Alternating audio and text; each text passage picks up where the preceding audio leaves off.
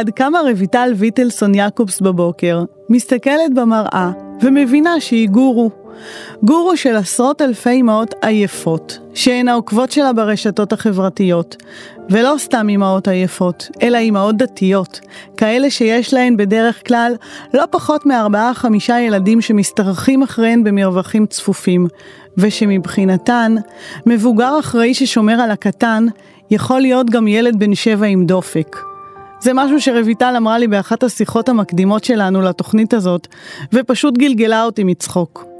אבל לא רק בגלל חוש ההומור המושחז שלה, היא הפכה להיות המגפון של האימהות העייפות, גם בתוך המגזר הדתי וגם מחוצה לו. היא הפכה להיות המגפון הזה בזכות הרגישות והעומק והיכולת שלה לדחוס מצבי חיים שלמים לתוך פאנץ' של 80 תווים בסטטוס. וכשאמרתי השבוע לכל מיני נשים שמקיפות אותי, דווקא חילוניות, שרויטל הסטנדאפיסטית הדתייה תהיה האורחת בתוכנית שלי היום, כולן אמרו לי, וואו, ברור, היא אושייה. וכשאת אושייה, אז על כל פוסט שאת מעלה, מגיבות מאות ולפעמים גם אלפי נשים. וכשאת אושייה, כל הוצאת קיטור על הבעל נחטפת למאות שיתופים והזדהות.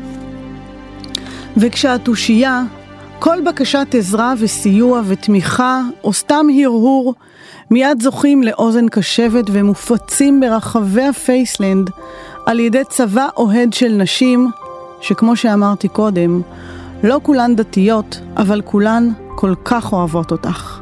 כן, עם הזמן נפרץ המעגל, נפרמה המטפחת, ולרויטל יש היום הרבה מאוד עוקבות חילוניות כמוני, שצוחקות מהבדיחות גם כשהבדיחות עוסקות במקווה ובנידה, ומי שלא מבינה, רויטל ישר מסבירה לה. כמו שקרה כשהגעתי לראות אותה באיזה מתנס בפתח תקווה, והתיישבתי הכי קרוב אליה בשורה הראשונה בהופעה. כוורת דבורים של נשים כבר המתינה שם בזמזום טורדני, והמלכה האם נכנסה כמו סופת רעמים גוררת אחריה מכונת קריוקי שתפקדה על תקן של מערכת הגברה, ותוך שתי שניות היא מתחילה לראות לכל הכיוונים כל מה שאתם רוצים ולא רוצים לדעת, באשר לאימהות קרייריסטיות על המסלול המהיר. אלוהים לא יכול להיות בכל מקום.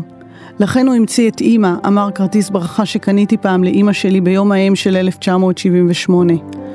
מה שאלוהים לא לקח בחשבון, זה שאנחנו נהיה עייפות. כל כך עייפות מכל ריבוי התפקידים שלנו, עד שלא נדע מה לעשות עם עצמנו, חוץ מאשר לצחוק על עצמנו. כי אין כמו הומור, בעיקר עצמי. ברוכות הבאות לכותבת ומוחקת אהבה, תוכנית הרדיו שהיא בית לנשים שמפזרות השראה כמו קונפטי. האורחת שלי היום היא רויטל ויטלסון יעקובס, סטנדאפיסטית דתייה. אימא לארבעה, שהיא עם בטן של הריון מתקדם חורשת את הארץ עם המופע שלה, תגידי מה את רוצה סטנדאפ לאמהות עייפות, ומצחיקה גם חילוניות עם בדיחות שיש להן מטפחת. אני יודעת כי הייתי בשורה הראשונה וכאב לי הפה מרוב צחוק. רויטל מהווה כותל חי עבור 35 אלף עוקבות בפייסבוק, שרק מחכות שהיא תגיד להן שהכל בסדר. הכל באמת בסדר. זה רק עניין של סדרי עדיפויות והיכולת להיות גמישה ולאהוב את עצמך.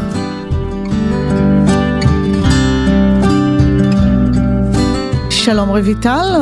היי. את עייפה? אני אה, כבר עשר שנים, אני חושבת שאני עייפה ברצף. אני זוכרת ש... טוב, את כל הזמן עושה ילדים. נו, מה אני אעשה? מה אני אעשה? אני, אני איכשהו זה מוזר, ואני נהנית מזה. אני זוכרת שפעם ראשונה נסענו ללילה ליערות הכרמל בלי הילדים, ואז ישנתי שמונה שעות. כאילו קמתי אחרי שמונה שעות ברצף, ובאמת חשבתי שמטתי, כי הגוף לא הכיר את התחושה, וקמתי מה זה בבהלה, כאילו זינקתי, וזה היה הזוי, השלפוחית כמובן לא עמדה בנתון החדש הזה של שמונה שעות לצבור, היה כיף, כיף גדול.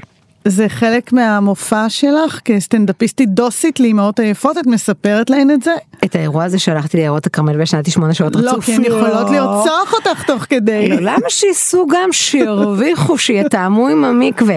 אה, את יודעת, אני, אני מדברת על החיים בסטנדאפ שלי, היית איזה שש פעמים, כי את כזאת חביבת הקהל, וכמובן שכשאת היית זה היה עוד בתקופה שהייתי צריכה לפרשן את הסטנדאפ לחילוניות, אבל מאז מכיוון שאני כבר כוכבת אה, חוצת מגזרים, חוצת גילאים, אז כבר כל ההופעה מותאמת לאימהות עייפות באשר הן, אפילו אבות עייפים מעט מגיעים. וכשמגיעות חילוניות את בהחלט מפרשנת, זאת אומרת את עושה פאוזה ואת אומרת רגע עכשיו אנחנו נסביר מה זאת נידה.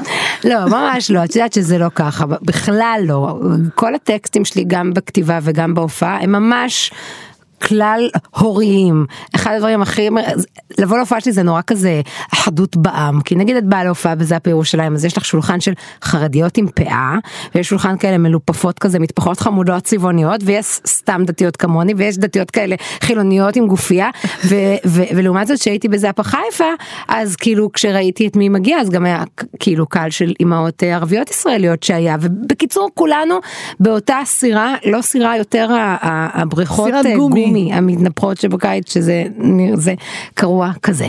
ואת כאילו תמיד חלמת להיות סטנדאפיסטית דוסית? אה, בוא נרגיע עם הדוסית. לא, לא, למה? כי למה? זה לא מעניין אחלה אותי. טיקט. לא, זה סתם, זה סתם. זה שאני גם דתייה, אני באה עם זה ככה מהבית, אבל זה ממש לא טיקט בעיניי. אה, הפוך, אני שנים אה, בהתחלה כשהתחלתי כאילו להיות בטלוויזיה וזה, אז היו קוראים לי לבוא לדבר בשם הדתייה וזה, אני כבר לא שם. כאילו, ביום האישה האחרון התקשרו, בואי תדברי בשם אישה, לא, אני, אני סתם אני. מה הייתה השאלה? את יודעת, אני פשוט זה בהיריון, אז אין לי טווח קצר כן. או ארוך. או בכלל. הריון מספר חמש, טפו, טפו, מספר חמש, חמסה. עליי כנגד 15 קילוגרמים שכבר היום, הספקתי היום לעלות. כבר אכלת את הסלט ביסלי? עוד לא, אם תרצי שאפרט לך מה אכלתי מאז הבוקר זה ייקח לנו את כל השיחה, לא, אז אנחנו וחבל. נחזור לשאלה. וחבל. האם באמת תמיד חלמת, זאת אומרת זה היה חלום שלך להיות לא, סטנדאפיסטית? לא, אני לא מאלה שיכולה לספר לך מהשחקניות שכל הזמן אה, הייתי על הבמה, ביקשתי שיצלמו אותי וזה ממש לא. ההומור אה, הפך להיות כלי הישרדותי עבורי, אה, מי שקרא את הספר שלי, שבטח נדבר עליו גם אחר כך, ברור. אה, יודע שבסיפור החיים שלי הייתי ילדת כאפות וחרמות בלתי אפשרית. הקיץ של אה, אבי הזה בקטנה, חוץ מהקטע עם הקינים, אבל גם לי היה כזה שיער קצוץ קצוץ, באמת הייתי ילדה מאוד לא מקובלת ומאוד משונה. אה, וזה רדף אותי רדף אותי רדף אותי בגן אפילו ואחר בתל כך ב- אביב, נכון? כן, גדלתי בתל בתל אביב? אביב גדלתי בתל אביב ואיכשהו רק כשעברתי לתיכון ואת יודעת כאילו פעם כתבתי על זה טור אז ילדי כיתה ו' קבלו את הבשורה זהו הכל עומד הכל יכול להשתנות כן היום בדיעבד אני יודעת שלהיות הילד הלא מקובל זה גם 50% אחריותו להכיר קצת קודים חברתיים לקרוא את התמונה וכל זה ובואכה כיתה ח'-ט' למדתי שהומור שיש לי אותו, יכול לשמש כלי למשוך אליי חיוכים ולא חרמות ולא כעסים, במקרה הטוב אגב, אדישות במקרה שקרה. ולאט לאט ליטשתי וליטשתי, זה התחיל באמת בלהיות הכוכבת של המסיבות כיתה, אצל הדתיות זה מסיבת ראש חודש, כן? אנחנו תחשבי, אנחנו כיתה כזה רק של בנות וכל זה, תדמייני את זה קורה מסתנכרן מחזור, 38 בנות, גיל 15, המחנכת התאבדה כשש פעמים במהלך ה... ואנחנו יודעות שהוא מסתנכרן. שהוא מסתנכרן בדיוק אז אה, שם התחלתי אה, כזה להופיע וללמוד את, ה, את היכולת הזאת ובאמת השיא היה כזה בשמינית שעשיתי הופעה מול כל בית ספר ואז לראשונה הברווזון המכוער הפך לברבור ברבור שזקף את הראש והבין איזה כיף זה שמרגישים הרי. בסטנדאפ לטוב ולרע הפידבק הוא מיידי כאילו עלית ורצית להצחיק. לא הצחקת חמש דקות ראשונות תמותי, באמת אין הרבה אופציות אחרות. והרגע הזה שאתה עומד ואתה מרגיש את ההדף של הצחוק ושל ההתקפלויות האלה וכל זה, זה, זה אושר גדול. אה, ואז התחלתי, ואז התחלתי לאהוב את זה, ואז התחלתי להימשך לזה, אה, והיום אני חושבת שכשחזרתי לזה, כזה לקראת גיל אה, 35, רק היה לי חשוב לא להיות מכורה לזה, כי אחד הדברים הכי מפחידים בשואו ביז, ובכלל בביז שלנו זה להתמכר. ללייקים, לתשומת לב, ליחס, לפידבק. איך אפשר שלא להתמכר לפידבק של 35 אלף עוקבות? את מכירה אותן לדעתי אישית, אישית בשמות. אישית, נכון. לא באמת, כי אני עוקבת, אני רואה את התגובות, אני רואה את היחס, את עונה, את שם, את בשבילן גם בפרטי, את בשבילן גם בחיים. זה נכון, זה, זה, הם נהיו אחת אחרי השנייה, ובאמת כאילו יש מה שנקרא הוותיקות, שגם תופסות אה, הרבה פעמים תחת, את החדשה כאן וכאלה, אה, זה נהיה לי אכפת, זה נהיה לי חברות, החברות האמיתיות שלי אומרות לי, אה, בואי, קצת, קצת לא את מתבלבלת, אבל אני ממש מרגישה שם קשרים אישיים, שלשום קיבלתי תמונה של תינוק, תינוקת שנולדה, למימי, אוקיי? שבתקופה שאני קיטרתי על טיפולי פוריות והפלות, היא שפכה את ליבה, ובאמת, היא בחורה חרדית, חברות מקבילות לה, כבר יש לה שבע שמונה, יש להם שבעה שמונה ילדים, היא יש לה שניים וגם זה בייסורים. ו... אני מקבלת תמונה מבית בחורה שלא פגשתי מימיי, ואני מתחילה לבכות כי אני יודעת בדיוק את כל הסיפור שלה, אני יודעת שעברנו ביחד, אני יודעת שאני תכף שם, ואני עונה לה עד מאוד, ובאמת זה נהיה כזה קשר כזה, אבל, אבל פתחנו לעצמנו עולם כזה שזה התחיל באמת רק בבחורות דתיות קצת פמיניסטיות ואחר כך הפך להיות בחורות דתיות והפך להיות כל מיני סוגים של דתיות והיום זה סתם אימהות ו... וזו הרגשה נורא נורא נורא חזקה גם, לפעמים זה יותר מדי, נגיד אם מישהו מעביר איזה ביקורת, פתאום אני רואה את החבורת המזונות שלי תוקפות אותו, אתה לא זה, אתה לא זה, וצריך להגיד להם, הכל בסדר, יש לי, ברוך השם, ג'ורה, אני יכולה להתמודד לבד. אבל באמת, את אימא, את לא עזבת את הדיי ג'וב שלך, את נשארת איתו ככה טיפה נאחזת, תכף נדבר על זה. אה, את אה, אשת איש, יש לך בית לתחזק, הייתי בו, אני יודעת, אבל יש את הרושם שאת כל הזמן מתחזקת את הפרסונה שלך ברשתות, זה, זה גוזל המון זמן, בטח מאישה שיום וחצי בשבוע נעלם לה מהלו"ז כי היא שומרת שבת ו, ואין. איזה כיף זה, אה? איזה, זה, זה ההצלה שלי השבת. אז לראשונה אני יוצרת קשר עין פשוט עם הילדים. אני פשוט אשכרה מרימה את ה... גם, גם הם אגב אליי, זה לא רק אשמתי, כן? תראי, המוח כל למה, הזמן עובד. למה, את רואה אותה מהמראה כשאת נוהגת, לא? כשאני נובחת, לא, זה, אני אפילו לא מסתכלת, זה היד הזאת שמושטת אחורה ו... כאפה למי, ש, למי שזה פוגע, אם אפשר לא בקטנה. תראי, היצ, היצירה, יואו, איזה מוזר לדבר ככה, אבל המוח כל הזמן עובד, אוקיי?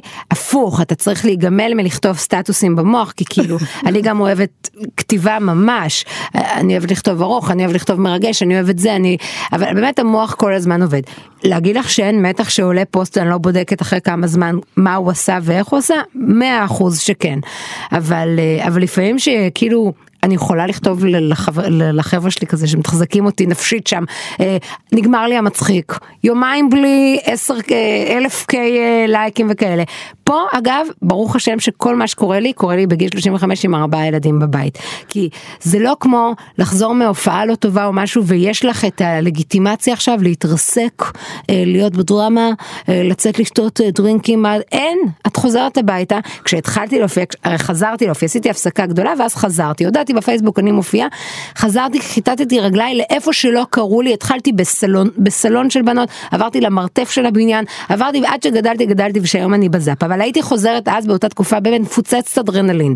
ומה הייתי עושה את חושבת? מריצה קוק? לא, הייתי מקפלת כביסה, הייתי מביאה את הסלים, זה היה אחלה זמן, אבל הייתה לך את המקפלת, רגע, נכון, ספרי נכון. לנו על המקפלת. איי, המקפלת, תשמעי, זה עכשיו, השיחה עברה להיות שיחה בנושא טיפים באימהות, אוקיי? לא, לא, אני רוצה לשמוע על אימא לארבעה ילדים שמחליטה ש... אין לה זמן להכל, והיא מביאה מישהי שתקפל לה את הכביסה. תקשיבי, זה סטארט-אפ. כל אחת מאיתנו. יש את הדבר שהיא שונאת לעשות, אוקיי? זה לא איזה משהו שאצל כולם, יש אחת ששונאת לגהץ, יש אחת ששונאת כביסה, יש אחת שלא יכולה לסבול משהו. עכשיו, את צריכה לקבל החלטות איך את, כאילו, בעיניי, כן? וזה לא הרבה כסף. מורידה ממך את מה שאת שונאת, כי השנאה סתם, תראי אגב השנאה מביאה לי פרנסה, כן? אבל שנאה אמיתית, כזאת שמכלה אותנו, כזאת שגורמת לנו להתמסכן, זה המילה השנואה עליי, שאת מתמסכנת מזה, כן? הרי איך פעם מישהי אמרה לי, ברוך השם, כל פעם כשאת תולה את האוברול של התינוקי, תגידי איזה מבורכת אני, איזה, איזה כיף לי שיש לי הרבה, יש כאלה שרוצות אפילו את האחד. לא סבלתי כביסה, לא יכלתי לסבול שיש פה משימה שהיא לא נגמרת לעולם, הסל מתמלא תמיד תמיד תמיד תמיד. אז הבאתי איזה ילדונת, מתוקה אגב. אמרתי לה, מטרתך בחיים, קחי מפתח, מטרתך בחיים שאני לא אראה כביסה. לא בסל, לא בדרך, אני לא יכלתי לסבול את זה, היה לנו, את יודעת, כאילו, עד שלושה ילדים הרי, הכביס, אצלנו הכביסה עוברת ישר מהמייבש לספה, כן? הילדים מבינים שמי שמחפש גרביים נקיים בבית, לאן הולכים? לספה. אז, אז באיזשהו שלב את ובעלך עוברים רואים ארץ נהדרת על השטיח, ככה זה שנים. לא יכלתי לסבול את זה, זה היה עושה לי אי שקט.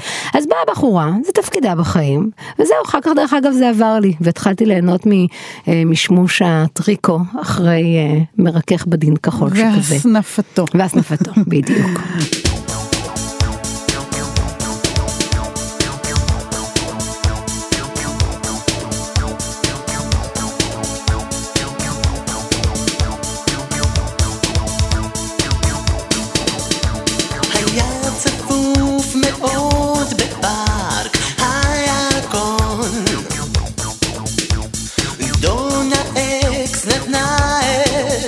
השירה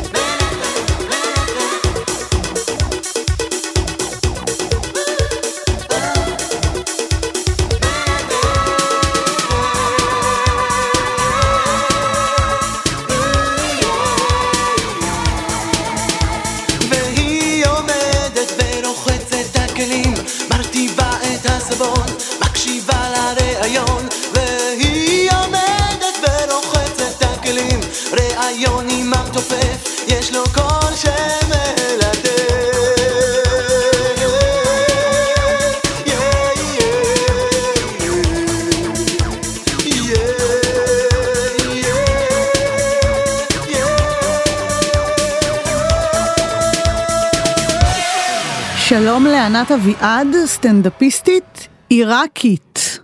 שלום, שלום, ענתי, מה שלומך? בדלק אשלונק. וואלה, מה אני אגיד לך, כמו כל יום, כמו שאומרת דודה תרמילה, יום עסל, יום בסל. הכל בסדר. אני רוצה להכיר לך קולגה שלך, פולניה, דתייה. לא נורא, לא נורא. שגם היא סטנדאפיסטית אה, לאימהות עייפות.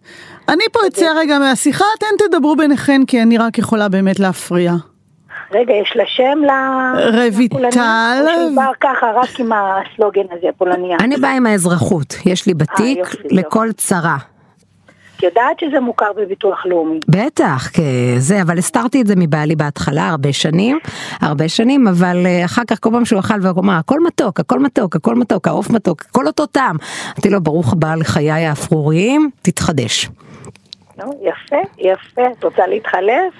גם אצלנו הגיוון, את יודעת, זה קובה אדומה, קובה מסלוחה, קובה במיה, קובה בורל, קובה שנכנסת מפה, קובה שיוצאת משם, קובה כמו שהיא נכנסת ככה היא גם יוצאת. אני לא יודעת, אני, אני בדיוק ביום שישי שעבר אמרתי, מי המציאה את הקציצות, זה כל כך הרבה זמן מיותר, למה לעמוד, ובאמת זה, זה, זה הרגע השנוא עליי ביום טוב, שישי. טוב, בנות, בנות, קציצות זה לא פה, כי אין, אין לנו מטבח, אין לנו מטבח, את רואה פה מטבח. טוב. אני רוצה באמת לדבר עם שתיכן על הנשים וההומור, ההומור שלנו הוא בעיקר עצמי, לא? בוודאי, בוודאי, ואנחנו לא אשמות, מספקים לנו חומרים. החיים. ברור, החיים, הבעלים, הבעלים, הילדים, הבעלים. הילדים. אימא. שלנו כפרה עליה, שכל מה שנתנה לנו מכל הלב. כן, אין, אין מה לעשות, אין מה לעשות, אנחנו אה, יולדות, אנחנו בנות, אנחנו אימהות, אנחנו נכדות של, והחומרים, את יודעת, זה גם לא קשור לעדה. אה, עיראקית ופולני, אגב, זה, זה אותו דבר, זה אותו, זה אותו מקצוע, אה, אבל, אבל כן, לא, לא חסרים חומרים. אני יכולה לומר לך, כשאני ילדתי למעשה שלושה ילדים בשנה. את. שמעת דבר כזה פעם? לא? שלושה ילדים בשנה, אין תסבירי. מספיק חודשים, פשוט. אז אה, מותק, לא להתווכח עם עיראקית אה, עם, עם חשבון. בסדר, שנה וחודשיים, לא לתפוס אותי בקטנות. וואו. אה, לא, כי על רויטל לא מאיימים בלידות, את יודעת, היא לא, אבל מהמגזר. שלוש בשנה זה בהחלט אבל אה, לא, לא, משהו לא. להתאבד בגללו. מגיע לי רספקט, מה זאת אומרת? היה לי ילד בן אה, ארבע וחצי, אה, תינוק בן שלושה חודשים, ואז גיליתי שאני בהיריון עם תאומים. אוי נהדר. ואת כולם השארת לבד בבית ויצאת להופעות. אנחנו תכף נדבר על. רגשות אשמה. בוודאי, בוודאי. אני רק יכולה לומר לך, אה, זה- עזבי את הרגשות אשמה, קחי את הבלבול. אני חזרתי הביתה עם ילד בן חמש, תינוק בן שנה וקצת ותאומים בני יומם. כל מי שהיה ערום חיתלתי אותו, כולל בעלי. רויטל, על מה? אנחנו מדברים פה? אני כשהייתי בבית חולים, את התינוק הקטן שרק נולד, בן שלושה חודשים, אני לא הכרתי אותו בכלל. יואו. אני זוכרת אה, רגע אחד שהילד שלי בן ארבע סוחב אותו בעגלה, אני שמעתי ברקע את אילנית עם מרקו. כי הוא חיפש את אמא שלו, לא, הוא לא מכיר אותי בכלל. זה- אז הוא אמר לו, תשמע נועם, אנחנו הולכים לבקר איזה אישה אחת, היא אימא שלנו, נשבע לך, הייתה גרה פה פעם, היא הלכה להוליד עוד כמה ילדים, היא תחזור, נהיה משפחה גדולה. אבל היית צוחקת על הדברים האלה מההתחלה, לי לקח עד הילד השלישי להיות רק אומללה. עצובה, מבואסת, מאוכזבת מעצמי. בחיים לא האמנתי שאני אחזור לבמה, בחיים לא האמנתי שאני אחזור לא יודעת מה לאן. הייתי פשוט רק בזה, הרגשתי כמו חיה רדופה. כל הזמן יצאו ממני הפרשות, או שהענקתי, או שהייתי בהיריון, או שהייתי אחרי לידות, ובאמת הייתי... לא יכולה להגיד בדיכאון אחרי לידה כי לא הייתי שם אבל לא חשבתי ורק בילד השלישי שככה קצת הביטחון שלי התחיל להסתדר וכמו שענת אמרה מקודם האיסורי מצפון מקבלים את הפרופורציה הנכונה בסוף זה בשליטה שלנו אז התחלתי לצחוק על זה וגם זה לא עבר בקלות אצל הקולגות שלי בגן שעשועים אבל איך באמת הופכים את הסבל לחומרים? מה אתן עושות כ- כנשים סטנדאפיסטיות? מה, אתן מסתכלות על החיים בריחוק, בפריזמה? כן. אני- חייבים, כן. חייבים, חייבים. זום אאוט, את יושבת באמצע הבריכה, תכף מגיעה התקופה השנואה עליי בשנה, הבריכה. שבאמת אני מרגישה כמו במיצג של המצפה התת ימי, כי אני האמא הכי שמנה בבריכה תמיד, ו- ו- ואני ואני גם אני לא נהנית. פעם? איך את לוקחת לי את התואר הזה? היי, היי, אני רגע, מצ- שנייה, אני-? זו תוכנית להעצמה נשית פשוט. להעצמת נשים עצומות. להעצמה. בדיוק. לא, ואז אני יושבת שם, אני יכולה להיות אומללה, ואני יכולה פשוט להתחיל לצחוק על זה, לוקחת זום אאוט, מסתכלת על עצמי מבחוץ, מסתכלת על איך אני עם הילדים שלי, מתחיל לפנות את הילדים מהבריכה, כי אחד הילדים עשה בבריכה של הקטנים וצריך לפנות, רק נרגעת שזה לא אחד הילדים שלי, ואני מאושרת ושמחה בחלקי. נכון, נכון, ואלה החומרים, אין, אין מה לעשות, אבל לפעמים באמת מתוך ראייה כשאת בתוך העניין הזה אז את, את לא רואה את זה, אבל פתאום מגיע מישהו ומאיר לך אה, עם פנס ואת אומרת וואי זה מצחיק, זה מצחיק. בדרך כלל זה אנחנו שמאירות עם הפנס, לא, לי אף אחד לא העיר שום דבר. אה לא? לי לא. אז, את, אז זה, זה, את רואה, את רואה, לאט לאט לאט את מבינה שאת בעדה הלא נכונה. אין מה, אם הייתי ראקית היו מעירים לך מאמי. ענת, ועם נרות. ענת, יש הבדל בין אה, להצחיק אה, גברים ולהצחיק נשים? כסטנדאפיסטית? אה, יש הבדל בין להצחיק אה, גברים שנמצאים בחברת נשים לבין להצחיק גברים כשהם נמצאים לבד. בוודאי יש הבדל גדול מאוד מאוד. אה, כשהם בחברת נשים, הם, מהניסיון שלי, הם יכולים להיות קצת יותר מתונים, וככה קצת יותר קשובים, ובעיקר מאוד מפוחדים, במיוחד אם זה סטנדאפיסטית אישה. אבל אה, כאשר הם לבד, אני באה עם מלווה. כמו במילואים. ממש ככה, כן, כן, כן. כן, זה ממש ממש ממש ככה, ממש ככה. אבל אין מה לעשות, באמת, אבל כל הקלישאות כאן אה, באמת עובדות בהתייחס לשאלה ששאלת קודם. אני באמת אנחנו- אוהבת קלישאות כי הן תמיד עובדות, זה נכון, ותודה רבה לך. ענת אביעד, סטנדאפיסטית עיראקית, שפגשה פה רבה. את הקולגה הפולניה, ממש אה, עשינו פה כור היתוך. כור לוויתנים. תודה, תודה. תודה ענת אביעד. יאללה, שיהיה אחלה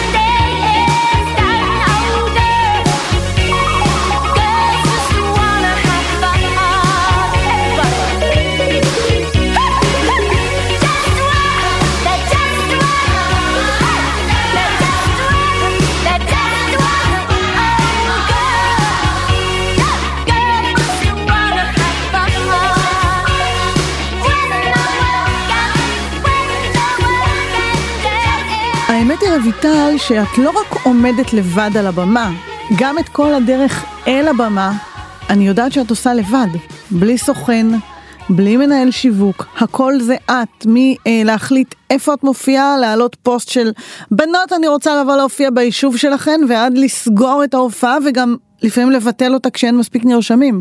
נכון. זה, הייתי אומרת שזה, יש לזה, היתרון הבולט היחיד זה שבאמת כאילו הכל עלייך, גם ההצלחות וגם הכישלונות. הקשה הוא שאני באמת אה, הולכת בזה לבד, צעד אחרי צעד אחרי צעד, אין לי מושג. אה, את יודעת, כל אחד יש לו קולות שהוא גדל איתם, ויש לי איזה קול שאני תמיד נאבקת בו, ואיזה קול הדופקים אותי, נכון? זה קול מאוד מאוד ישראלי. שאני מתקשרת לאיזה מקום ואני שואלת, שלום, אה, אתם לא מכירים אותי, אני פשוט סטנדאפיסטית נורא מצליחה. כמה יעלה לי לקחת את היכל התרבות ב...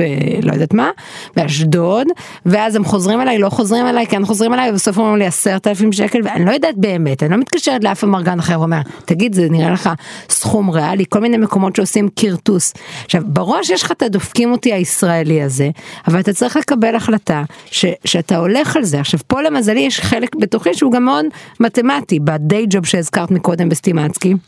אחרי המון שנים מתוך אהבת ספרים עברתי למחלקה אחרת שהיא סחר ומשם למדתי יכולת להתמסחר לעשות משא ומתן לעשות מה שווה לי כמה כרטיסים אני צריכה כדי אה, לצאת even. חוץ מכל אלה יש פה בן זוג מדהים מדהים שכל רעיון כל מחשבה כל חלום אומר תעופי על זה הוא אומר לי משפט שנדיר שזוגות צעירים עם מחויבויות אומר, אומר אה, זה, מה יש לך להפסיד רק כסף זה זאת הזכות הכי גדולה שיש לי כזה פרטנר, שכשאני, כמו שאת זוכרת, אני השתגעתי, הרי יש לנו האימהות כזה, מין את המשפט הזה, בא לי לחזור לעצמי, נכון? את אחרי הלידה ואת רוצה לחזור לעצמך, אבל זה לא באמת קורה. בחיים אנחנו לא חוזרות לעצמנו.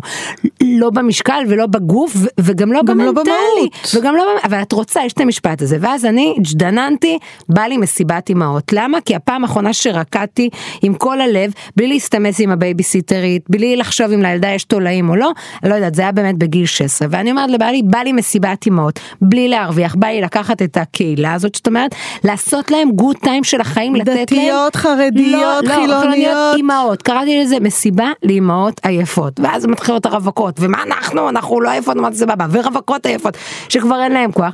רקדנו 400 נשים, טווח גילאים לא ברור, באמת מכל הלב. קפצנו כאילו רצפת האגן עדיין שלנו. ועשינו כיף כיף כיף כיף. עכשיו עוד פעם היה פה השקעה ואני מודעת לה אני לא איזה חולמת.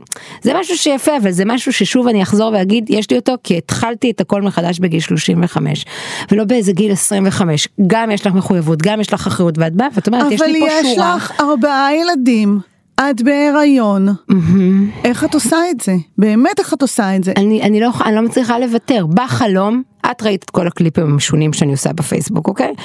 קליפים משונים, יש להם גם את העלויות שלהם, אבל once יש לי אותו פה, נגיד עכשיו יש לי קליפ חדש שאני עובדת עליו, אה, לא משנה, יש לי baby one more time של בריטני ספירס. ואני אומרת, נדב, וזה סיפור מתקה, ואומרת, נדב, אני רוצה את זה, אבל אני רוצה את זה עם להקת בנות שיעשו ריקודים מאחורה. לא, את משוגעת. נכון, זה בדיוק תשובתו, הוא כבר לא עונה לי ככה. ואני מתקשרת למישהי, עכשיו את צריכה להבין שאני, שבוע הבא יש לי חזרות. יש לי חזרות באשקלון עם להקה, ואנחנו יכולות לצלם את זה. עכשיו, ביני לבינך אנחנו יושבות בינינו שולחן, באמת, יש לי את הקליפ הזה, אני רואה אותו, אני יודעת מה אני אלבש, אני יודעת מה אני אלבש, אני יודעת איך זה יהיה, זה יהיה מטורף, אבל איזה כיף לי שאני עוד יוצרת, חוץ מילדים, דברים אמיתיים, רוחניים, שעושים fun, שעושים good time, זה... וואי, איזה כיף, רק שזה לא ייגמר לעולם, באמת, כי, כי זה נותן לי חיים, זה נותן לי שמחה. אז את לא צריכה לישון כל כך הרבה, מה את נוסעת מבזבזת כסף ביערות הכרמל והולכת לישון? את בכלל, את כאילו אנרג'ייזר. אה, זה נכון. לא, באמת אני, יש לי באמת כוחות ויכולות ואני, ואני לא נרגעת, אני לא נרגעת בחיים, זה כיף. את לא מעייפת את עצמך, תגידי. אני מתישה את עצמי, בגדול אני מתישה את עצמי נורא, ואני אוכלת לעצמי את הראש. אה, עם השנים גם כאילו, אני מצליחה אה, ל... ל כמה שפחות חברות, את יודעת, את מכירה את זה שיש את החברות באמת הטובות שגם מוסיפות לחיים, יש חברות שהן סתם כי הן חברות. לאט לאט אני מדללת את את. החברות ואני הרבה יותר נהנית בלשבת לבד עם עצמי ולתת לדבר הנפלא הזה שקוראים לו המוח שלי לעשות ולא לפחד. אני לפני שלושה שבועות זה היה שהוצאתי, אני עושה מין איזה סדרה כזאת שמלווה את ההיריון, ואמרתי איזה משהו שהוא לא מקובל להגיד, אפילו אני לא נתקלתי בו עד היום, שכשאמרו לי שיש לי עוד בת, זה ביאס אותי, ועשיתי איזה קליפ, ממש צילמנו איך שהיא מתקשרת והילדים היו נורא מבאסים, יש לי בבית שלוש בנות ובן, ורצינו נורא עוד בן כמובן. עכשיו, אני הולכת לעשות את הקליפ הזה, אני כבר יודעת, אני מכינה את הבטן, עכשיו היא באמת מלאה, גם לביקורת של איך את מעיזה, כתבה לי מישהי ש... וגם ביקורות מתוך הסביבה הקרובה שלך שאנחנו נזכיר למרות שאת לא אוהבת את זה שהיא סביבה דתית זה לא פשוט להגיד דבר כזה. ולא זה לא רק, זה לא רק הדתי, אבא שלי למשל, זה לא רק החלק הדתי שבו הוא, הוא בן אדם מאוד פרטי. הוא מאוד פרטי. הוא כשהתחיל וזה נהיה הצלחה, הוא אמר לי, הוא יודע שהוא ממך, אבא שלך? אני מבקש ממך, עליי אף פעם אל תכתבי. אני מכבדת את זה. לא תמיד משמח אותו שאני הולכת לדבר על הנכדה שעוד לא נולדה לו, ש, ש, שאני מתבאסת שהיא בת, אבל אני בסך הכל רציתי לתת להגיד ולהודות בפני כולם, אתה כן מפנטז על מין הילוד שלך, ו- ו- ואתה כן הולך להגיד את זה, ו- ולדעת שאני הולכת לקבל, לא הולכת לקבל דברים טובים, וגם על הראש, ולעמוד מאחורי זה. ולעמוד. הסביבה הדתית שלי, תשמעי, אה, באמת זה חריג, לא רק שאני בסביבה דתית, אני גדלתי בסביבה דתית בעיר, שזה אחרת מסביבה דתית בתוך המושב, שכאילו יש איזה קהילה. מאוד אגב היום אני למדתי לאהוב את הדבר הזה קהילה, ואני רואה את החוזקות של זה, אני רואה כמה הילדים אבל את שלי נורא אינדיבידואליסטית איך את מסתדרת נכון. בתוך קהילה. אז באמת גם זה, בעוד בהתחלה כשהגעתי לכפר עוד הייתי כותבת אה, דברים אה, איומים, לא יודעת אם איומים ונוראים, אבל המון המון ביקורת. היום אני מעדנת את זה, היום יש דברים שאני כן לא אכתוב, את לא תראי אותי בחיים כותבת לא על דינמיקות בתוך המשפחה, משפחה, אנחנו ברוך השם, הם בעלים חמישה בנים, יש לנו גיסות, יש לנו אחיינים, וגם בצד שלי, תמיד אפשר לכתוב על דברים קשיים אני לא כותבת על הדברים האלה, ברגע שזה עוד אנשים שהם, שהם לא אני, אני נעצרת. איתי, עזבי, על הבנות שלי שהתחילו להתבגר, בפעם הראשונה שהגדולה שלי באה ואמרה, אמא את יודעת שהמחנכת אמרה שהיא הייתה בהופעה שלך, זה קצת פתאום הביל אותי, אני פתאום לא מרשה לעצמי לכתוב, אני אכתוב עשר פעמים על הקטנים, אבל עכשיו שאנחנו מתחילות את גיל ההתבגרות, לאט לאט דברים שמוצפים אצלי בבת אחת, אני פתאום חוששת וצריכה לכבד. אז כל עוד אני כותבת רק על עצמי, אבל, אבל זה גם קצת מיתמם, אתה הרי תמיד אתה בדיאלוג מול הבן זוג, מול הזה, מול הזה. מקווה שאני אצליח לאזן, ואם שישנאו אותי, יאללה שיכינו תביעה ייצוגית ואחרי מותי, שיעשו מה שהם רוצים. משהו קצת, אה, אם להמשיך את הקו הזה, אני רוצה לשאול אותך, הייתה לא מזמן כתבה על אימהות שהודו שהן מתחרטות על זה שנולדו להן ילדים. את אה, קראת את הכתבה הזאת? לא, אני התאמה- לא, אני לא קוראת כלום. את יודעת שהספר, זה הסוד הכי גדול בענף הספרים שהספר האחרון שקראתי עד הסוף היה יהיה פלוטו, אבל אה, אני, אני מספרת לי שאני אדם מאוד ליברלי, אוקיי? בטח יחסית למגזר ובכלל. אה, אני יכולה לשמוע את מה ש, שהן אומרות, אני גם, אני גם על הספר הזה קראתי וגם על הספר הקודם שלה, של נשים שלא רוצות להיות אימהות. אה, הפ- הפוך, יותר התחברתי לנשים שאני יודעת שהן לא רוצות להיות אימהות מאשר. שהן, כן. אני, אני מכירה כאלה ממש מקרוב. החיים האלה, הזאת שאני מכירה מקרוב, החיים עצמם בקושי גדולים עליה כמו שהם ועוד לקחת אחריות. העניין הזה על להתחרט להיות אימא, פה אני יכולה לשים שם, סימן שאלה, האם עשית מספיק בשביל להיות האימא שאת? כי הרבה אני נפגשת עם אמהות שהן צעירות או, או בכמה שנים, ויש את האימא שהיא חשבה שהיא תהיה. ואז האכזבה, האכזבה בין הפער הזה לבין האימא שאת באמת, שנגיד, אני אתמול לא רציתי ללכת לאספת הורים, ענת זה לא מעניין אותי, זה לא מעניין אותי, חבל לי על הזמן ללכת, באמת. אז יש אמהות שבמקום. להגיד את זה, ולא ללכת, או ללכת ולהתמרמר, אז הם, אז הם בכעס. אז, אז אני לא יודעת אם זה באמת נכתב על אכזבה אמיתית מעצם זה שאת אחראית פה לעוד מישהו. ואני תמיד אומרת, לכו לטיפול. כולנו צריכות תמיד טיפול, לא משנה מה. אני חושבת שאנחנו צריכים מישהו שיעזור לנו לחשוב, שיעזור לנו לנקות. הראש של כולנו, גברים ונשים, מלא שטויות, מלא דברים שהכנסנו לעצמנו במהלך החיים ואנחנו דרך הפריזמה הזאת רואים את החיים. וכשמגיעים הילדים הכל צף, מתפוצץ עם כל ילד משהו אחר, ההיא יש לה עניינים חברתיים, גמר אין, כל הילדות שלי חוזרת, ההיא אה, קצת עלתה במשקל, זהו אני כבר מתפרקת, הבן שלי אה, לא יודעת מה זה, אני גמורה מהדברים האלה, לך, לכי תנהלי את המחשבות שלך, תנהלי את המחשבות שלך, תנקי, אז ואז אולי פחות תתאכזבי מזה שאת אימא, פשוט תשמחי להיות האימא שאת, האימא המסוימת שאת. ותגידי, זה לא רק שאת אה, מביאה את עצמך לקהל חילוני, האם את מביאה גם דברים מהקהל החילוני שאת פוגשת הביתה חזרה לתוך הסביבה אני בטוחה שכן. השמרנית שאת חיה בה. אני בטוחה שכן, עוד פעם היום כבר בעיניי הסביבה שלי פחות שמרנית, בטח הקהילת פייסבוק שלי ברגע שהם קיבלו אותי, לא, אני מדברת על. החיים. אה, על אני החיים למדתי עצמם. מחברותיי החילוניות, קודם כל שוב גדלתי בתל אביב ועבדתי ב- בסטימצקי המון שנים והרבה חברים שלי חברים לא דתיים, למדתי את הפתיחות, למדתי את היכולת לדבר על הכל, אז היום אני לוקחת את הכלים ואת השפה והאומץ ואת החוסר בושה, ויכולה לעשות שרשור ממים. על הקשיים של הלילה הראשון. זה היה דבר, זה הגיע גם לוויינט, אבל. זה היה, בדיוק, לא רק לדבר על זה, אישה לדבר על זה, ועוד לצחוק על זה בהומור מאוד מאוד עדין ומתוך כבוד לזוגות בני 21, 22, ש- ש- שהם באמת, מה, הם מתחילים עכשיו את החיים ביחד, מה נראה להם? זה היה, האומץ הזה והיכולת לדבר על הכל בפשטות, שמי. בנות חילוניות מגיעות לגיל 20 כאילו יש להם הם חברות מהצבא אה, יש לי את החברות הדתיות שכשהם הגיעו לצבא הפעם הראשונה שכאילו יש איזה אזעקת גלולה משהו כזה נגיד אני הייתי בשירות לאומי אז לא היה לנו את זה. בשמונה צועקים לזכור לקחת גלולה לזכור. את פתאום האוזן מתרגל לזה. בנות שהיו רק בתוך סביבה דתית ועברו נגיד לשירות לאומי דתי ואז עברו ללמוד באוניברסיטה שהיא רק נשים לא מכירות את זה. פתאום מגיעות לעולם שהוא גדול עליהם. אני לוקחת קודם כל את השפה המעט מחוספסת אה, מה שבעינייך זה סבבה, יש כאלה שיגידו וולגרית פג'ורה כאלה ודברים כאלה, וכן, שמה מילים ושמה כל נושא שיהיה על השולחן. באהבה אגב. אז את אה, שליחה דו-כיוונית. איזה בעצם. שליחה, מה זה שליחת חב"ד? אה, לא, אני, אני, אני מנסה שכולם יהיה להם טוב ושמח, אגב, באמת אני חושבת שהרבה מהקהל החילוני שלי, כאילו שכבר, את יודעת, את העוקבות שכבר מכירות עוקבות, הם למדו להכיר פתאום כל מיני דתיות כאלה שעל פניו נראות עם המטפחת בתמונת פרופיל הקטנה הזאת שאנחנו אמורים במבט לה, להחליט מיהו הבן אדם.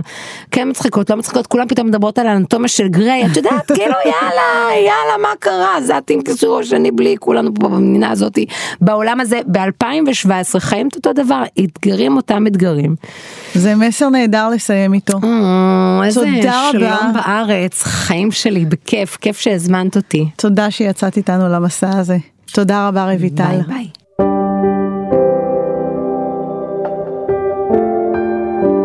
כשהייתי בת 27 וערכתי את שבועון הנוער ראש אחד אי שם באמצע הניינטיז, הלכתי יום אחד לאכול צהריים עם העיתונאית ג'ודי ניר מוזס.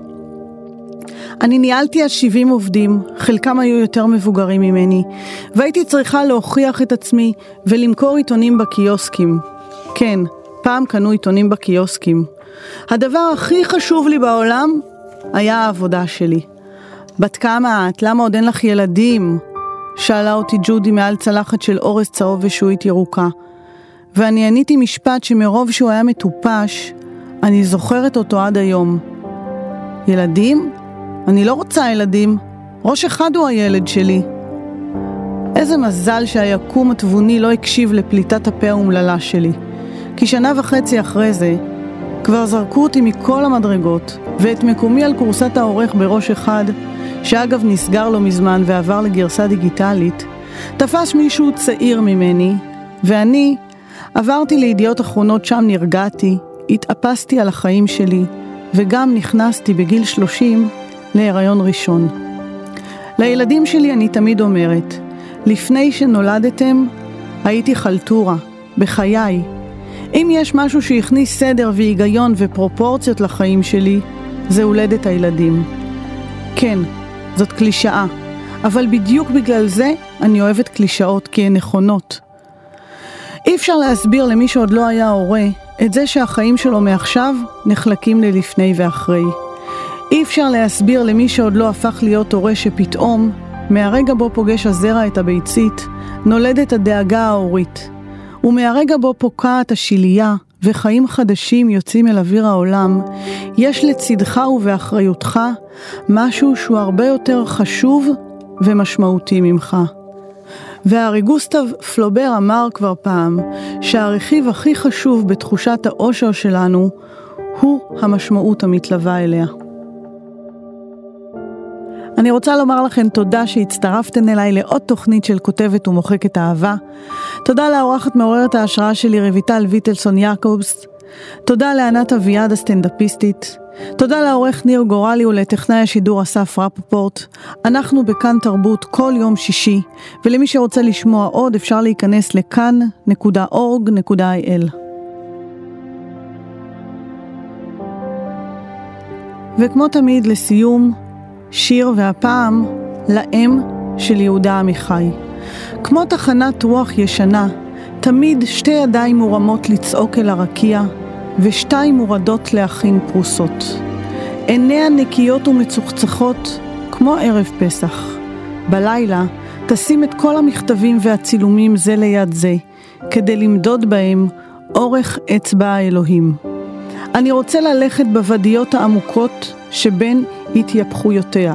אני רוצה לעמוד בשרב של שתיקתה. אני רוצה להישען על הגזעים המחוספסים של כאבה. היא שמה אותי כהגר את ישמעאל תחת אחד השיחים, שלא תראה במותי במלחמה, תחת אחד השיחים באחת המלחמות.